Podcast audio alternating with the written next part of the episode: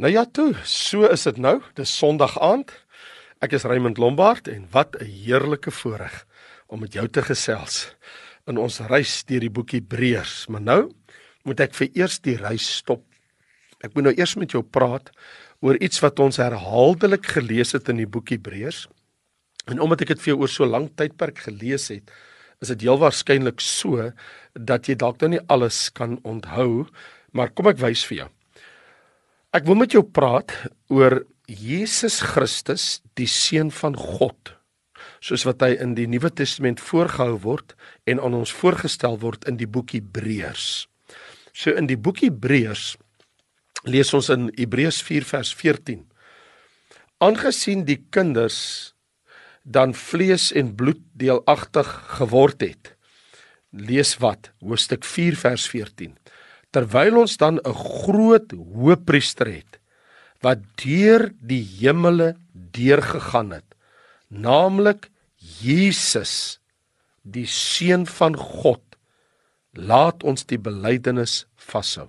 Daar het ons vir die eerste keer gelees in die boek Hebreërs, naamlik Jesus, die seun van God in hoofstuk 6 vers 6 om die weer tot bekering te vernuwe omdat hulle ten opsigte van hulle self die seun van God weer kruisig en openlik tot skande maak. Vir die tweede keer lees ons van die seun van God.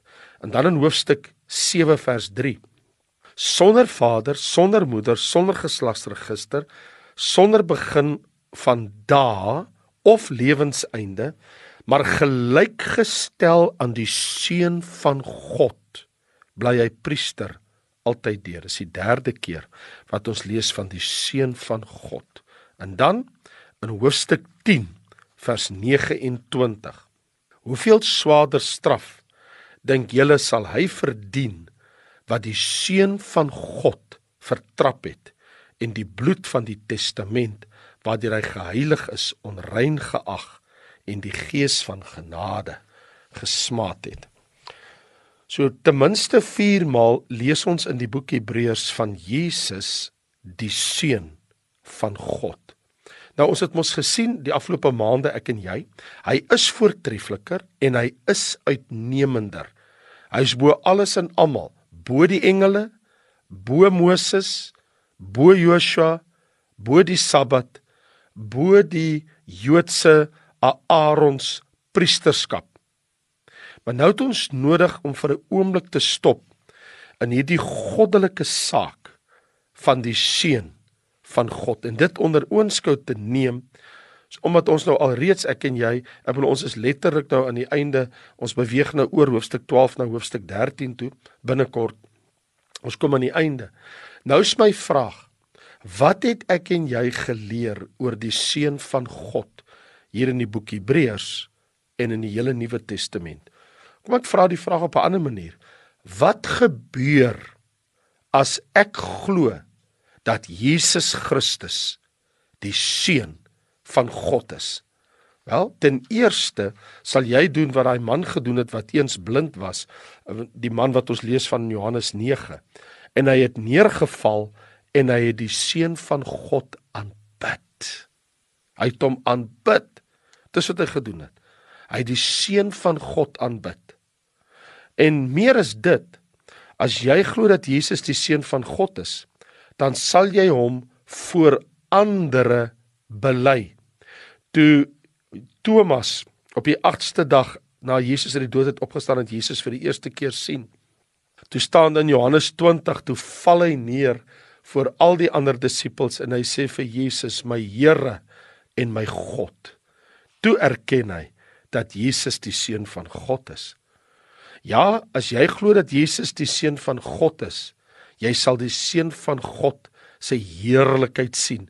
Jesus sê vir Martha, dan Johannes 11, hy sê het ek nie vir jou gesê as jy glo sal jy die heerlikheid van God sien nie. Nie net sal jy hom aanbid, nie net sal jy hom voor ander bely nie, maar jy sal ook sy heerlikheid sien in jou wandel met hom in die wonderwerke wat hy in jou lewe heerlik en wonderlik vir jou doen as jou Here. En op die koop toe nog, jy sal die seun van God sy ewige lewe deel. Het hy dan nie gesê wie in my glo, Johannes 6 vers 47, het die ewige lewe. En in 1 Johannes 5, hy wat die seun het, het die lewe. Wie die seun van God nie het, het nie die lewe nie. Dit het ek geskryf aan julle wat glo in die naam van die seun van God sodat julle kan weet dat julle die ewige lewe het. So jy die ewige lewe as jy die seun van God bely en het. Ook sal jy die seun van God gehoorsaam. Want dit sien ons mos in Handelinge hoofstuk 8, daan vanaf vers 35 is dit nou baie interessant want die skrifte toon vir ons wat het met hierdie man gebeur in Handelinge 8 vanaf vers 35. Let nou keurig op wat hier so staan.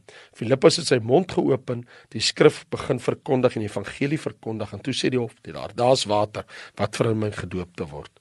En hy sê as jy glo met die hele hart, hy sê ek glo dat Jesus Christus die seun van God is. Toe stop hulle die wa en toe doop hy hom. Jy kan nie gedoop word voordat jy nie bely dat Jesus Christus die seun van God is. Och, wat 'n heerlikheid. En dan gehoorsaam jy hom. Maar behalwe dat jy hom sal aanbid, dat jy hom voor ander bely, dat jy sy heerlikheid sien, dat jy die ewige lewe met hom deel en dat jy hom sal gehoorsaam wees, sal jy ook dadelik die seun van God verkondig. Want Paulus met sy Damaskus ervaring sien ons in Handelinge hoofstuk 9. Hy het onmiddellik toe sy oë oopgaan en hy gedoop is, lees ons van vers 20. En hy het dadelik Christus in die sinagoges verkondig dat hy die seun van God is. Wow! Die hofdienaar van Ethiopië, hy verklaar Jesus is die seun van God en hy's gedoop. Toe Paulus uit die doopwater opstaan, begin hy dadelik verkondig dat Jesus Christus die seun van God is. En waarlik waar, jy sal ook jou gesag en met gesag sal jy gesag ontvang by die seun van God. Het Jesus dan nie gesê vir Petrus daar in uh, Matteus hoofstuk 16, het ek en jy 'n aangrypende gebeurtenis. Toe Jesus vra wie sê die mense dat ek is, toe sê uh, Petrus vir hom: "U is die Christus, die seun van die lewende God." En Jesus sê vir hom: "Jy's Petrus, op hierdie rots sal ek my gemeente bou." Jy ontvang jou gesag by hom. En natuurlik sal jy hom erken as die koning van jou lewe. Onthou jy van Nathanael toe hy Jesus die eerste keer sien, toe sê hy: "U is die seun van God." Ja, vriende, die godheid van Jesus Christus is ononderhandelbaar in die Bybel.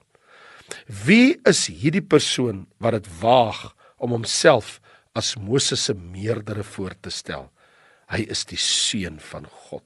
Hy is die ene wat elke keer daar in die bergpredikasie van Matteus hoofstuk 5 as hy sê daar is geskrywe uh, en dis alles in die wet van Moses maar ek sê vir julle en dan sê hy Moses het gesê maar ek sê vir julle en Moses het gesê die wet sê maar ek sê vir julle en hy sê en so gaan dit aan. Ten minste 8 tot 10 keer in Matteus hoofstuk 5 bevestig Jesus. Ja die wet sê Moses het gesê maar ek sê vir julle sjoe Hy spreek soos niemand nog ooit voor hom gespreek het nie. Hy het soveel gesag, autoriteit. Sy woord het soveel krag. Onweerspreeklik is dit. En die Nuwe Testament is duidelik oor hierdie saak, oor hierdie aangeleentheid. Wie met Jesus Christus te doen kry, het die seun van God ontmoet. So hierdie goddelike name wat aan hom toegesê word soos wat ons sien in Johannes hoofstuk 1 dat Jesus word God genoem. Die woord van God. In die begin was die woord en die woord was by God en die woord was God. Dit is 'n benaming wat aan Jesus toegeken word. Of soos ons sien in Hebreërs 1 vers 8, maar van die seun, u troon o God is tot in ewigheid. Of soos Paulus in Romeine 9 sê, Christus, hy wat alles is, God lofwaardig of soos Johannes sê in in Johannes 5:20 sy seun Jesus Christus hy is die waaragtige God en die ewige lewe. So in ander woorde, hy word God genoem herhaaldelik. Ek het ten minste nou 4 passasies vir jou in die Nuwe Testament gehaal waar hy God genoem word. Maar wie jy? Wanneer jy kom by ander skriftekste in soos Matteus 27, Markus 14, Johannes hoofstuk 10, 1 Johannes 5, dan lees ons u is die seun van God. Jesus Christus is die seun van uit die ewigheid. Hy is seun van God in sy voorbestaan.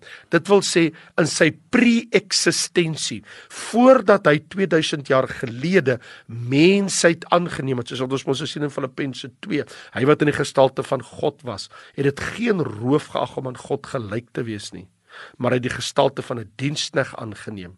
En in gedaante gevind as 'n mens het hy die dienskneg was hy gehoorsaam tot die dood toe ja die dood van die kruis. Daarom het God hom 'n naam gegee wat bo elke naam is sodat in die naam van Jesus elke knie sal buig van hulle wat in die hemel op die aarde en onder die aarde is. Ek en jy is aangenome kinders van God. Hy is die ewige seun van God Ek en jy deur die gees van aanneming het ons kindskap ontvang, maar die seun van God is dit van nature, van ewigheid af. En daarom wat aanbidding betref, word aanbidding ook toegebring aan God se seun. God self het mense aangesê om die seun te eer, soos wat ons hulle wanneer hulle die Vader eer. Jesus in Johannes 5, soos wat julle die Vader eer, moet julle die Seun eer. God het self, die Vader, in Hebreërs 1 vers 6 die engele beveel om sy seun te aanbid. En soos in Filippense 2 vers 10 sê, God se woord verklaar in die naam van Jesus sal buig elke knie van elke mond en elkeen sal bely. Dit laat my dink aan Charles Lamb.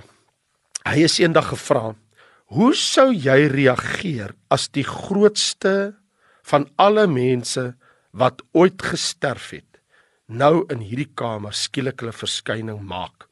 Sy antwoord was: As dit Shakespeare is of Napoleon is of Alexander is of Nebukadneser is, ehm um, maak nie saak wie dit in die geskiedenis is nie. Sekerlik as daai persoon nou my teenwoordigheid instap, ons sal almal opstaan Hy sê maar as dit Jesus Christus is, sal ons almal voor hom neerval. Jy sien dis die verskil. Jy staan nie op as Jesus in jou vertrek instap nie. Jy val voor hom neer want jy aanbid hom.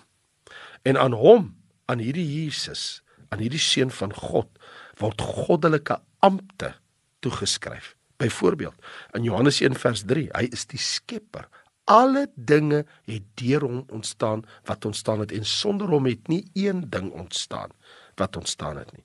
So hy was die persoonlike krag en instrument in die skepping, die woord van God wat geskep het. Hebreërs 1 en 1 Johannes 1. Hy is die skepper. So hierdie goddelike amp behoort aan hom. Hy is ook die onderhouer van alle dinge. Kolossense 1 sê mos in hom hou alle dinge stand. Maar dis nie al nie. Hy het die reg om sondes te vergewe. Hy het die mag.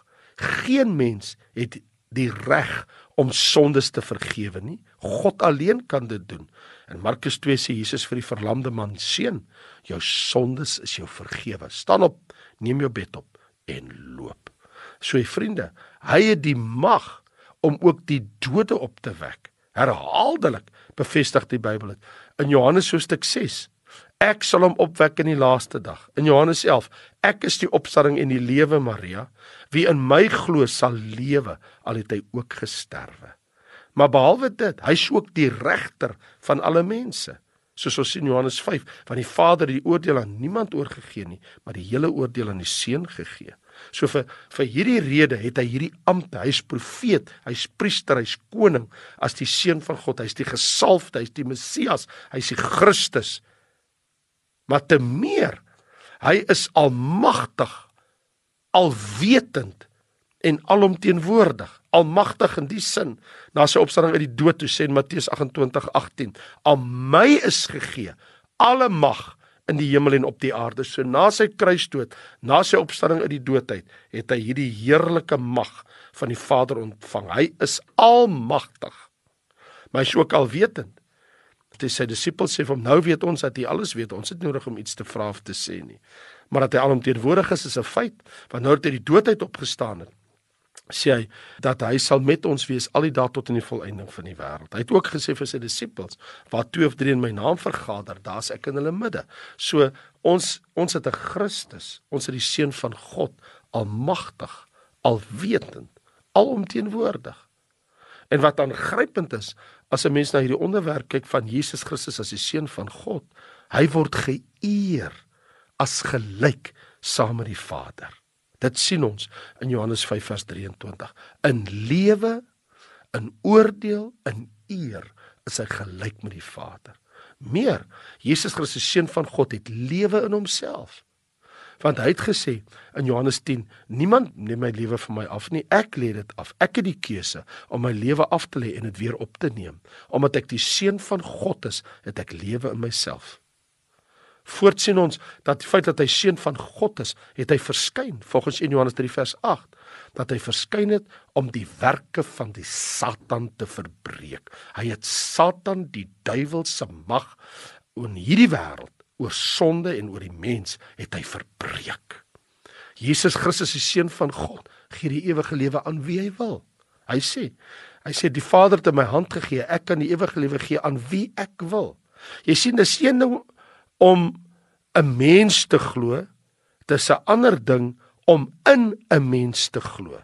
Ek en jy glo wat mense sê ons baie keer teleurgestel.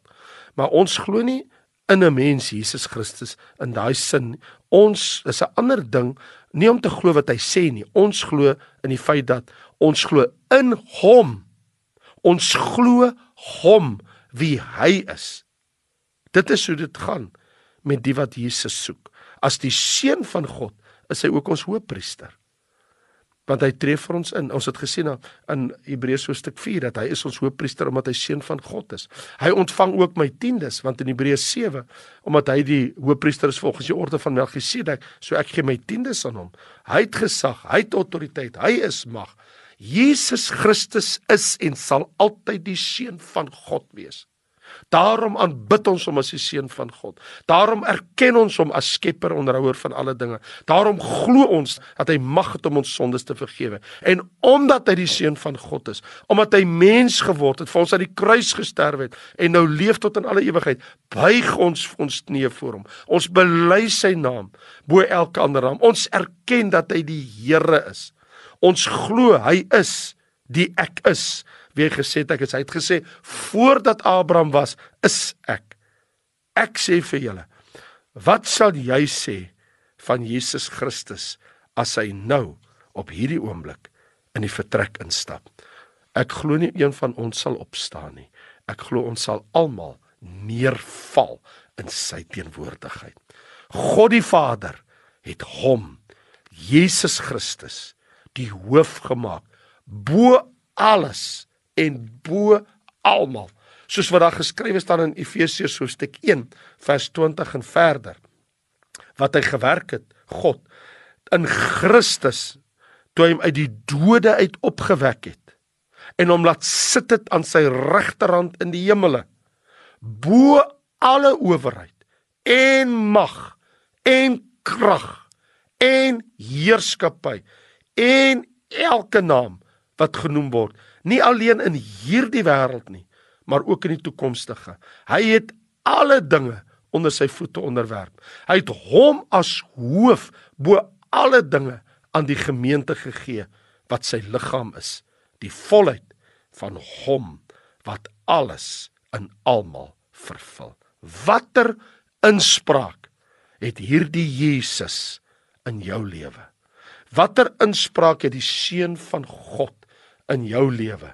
Sal ons waag, ooit waag om hom uit te daag, soos wat Kajafas gedoen het toe hy Jesus vir die Joodse raad, toe Jesus uitgedaag was deur die hoofpriester en hy sê vir Jesus, antwoord u niks nie? Hoor hoe getuig hierdie manne teen u? Maar Jesus het stil gebly. En die hoofpriester antwoord en sê vir hom, ek besweer u by die lewende God dat u vir ons sê of u die Christus, die seun van God is. Maar Jesus antwoord hom: U het dit gesê, maar ek sê vir u almal, van nou af sal u die seun van die mens sien sit aan die regterhand van die krag van God en kom op die wolke van die hemel. Toe verskeur die hoofpriester sy klere en hy sê: "Hy, hierdie man het godslasterlik gespreek." Het ons nog getuienis nodig. Hy is doodskuldig. Die hoofpriester het sy klere stikkend geskeur en het geweier om dit te glo. Wat van jou? Watter inspraak het hy oor jou lewe? die seun van God. Jesus se antwoord aan Kajafas was toe hy vir hom sê: "Is u die Christus, die seun van die lewende God?"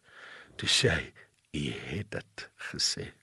Hoe lojaal staan jy teenoor die seun van God? Hoe toegewyd is jy aan hom? Hoe getrou is jy aan hom? Erken jy Jesus Christus as die seun van God in jou lewe. O, oh, wat 'n heerlikheid. Kan ons nie saam bid nie. Vader, Vader van die heerlikheid. Dankie vir Jesus, die Christus, die gesalfde een, die een wat U gestuur het, wat gelyke uur het, die seun van die lewende God. Die een wat die woord van God is, die een wat van ewigheid af is die een wat gestuur is wat sy lewe kom neerlê en dit weer opgeneem het. Ek erken dat U die seun van God is. Ek val voor U neer en ek bely my Jesus, Here Jesus, U is die seun van God. Nathanael het gesê u is die seun van God. Petrus het gesê u is die seun van die lewende God. Thomas het gesê my Here en my God. Johannes het geskrywe: U is die almagtige, U is die waaragtige seun van God. Ek wil vandag bely, ek wil neerval en ek wil sê Jesus, U is die seun van die lewende God. Ek glo dit met my hele hart, met my hele siel, met my hele verstand. Ek bely dat U die seun van God is. Ek bely dat U mag het om sondes te vergewe. Ek bely dat U mag het om wonderwerke te doen. Ek bely dat U almagtig, alwetend, alomteenwoordig. Ek bely dat U my hoëpriester is. Ek bely dat God U gestuur het. Ek bely dat U gekom het na hierdie wêreld en het gesterwe en is opgestaan en opgevaar na die hemel van waar u weer sal kom op die wolke van die hemel. Ek bely Jesus u is die seun van die lewende God. Amen. Wow is dit nie kosbaar om te bely nie Vriende, ek is Raymond Lombard, daar van Lewende Woord van die Evangelie Kerk, te Tyger en Parow, daar oorkant Hoërskool Tygerberg. As jy vir ons wil kom kuier, meer as welkom. Die koning seën vir jou. Woensdag aand gesels ek weer op die program Fokus op die Woord en as die Here wil, kuier ons weer Sondag aand om die Woord. Liefde en seën vir jou. Totsiens.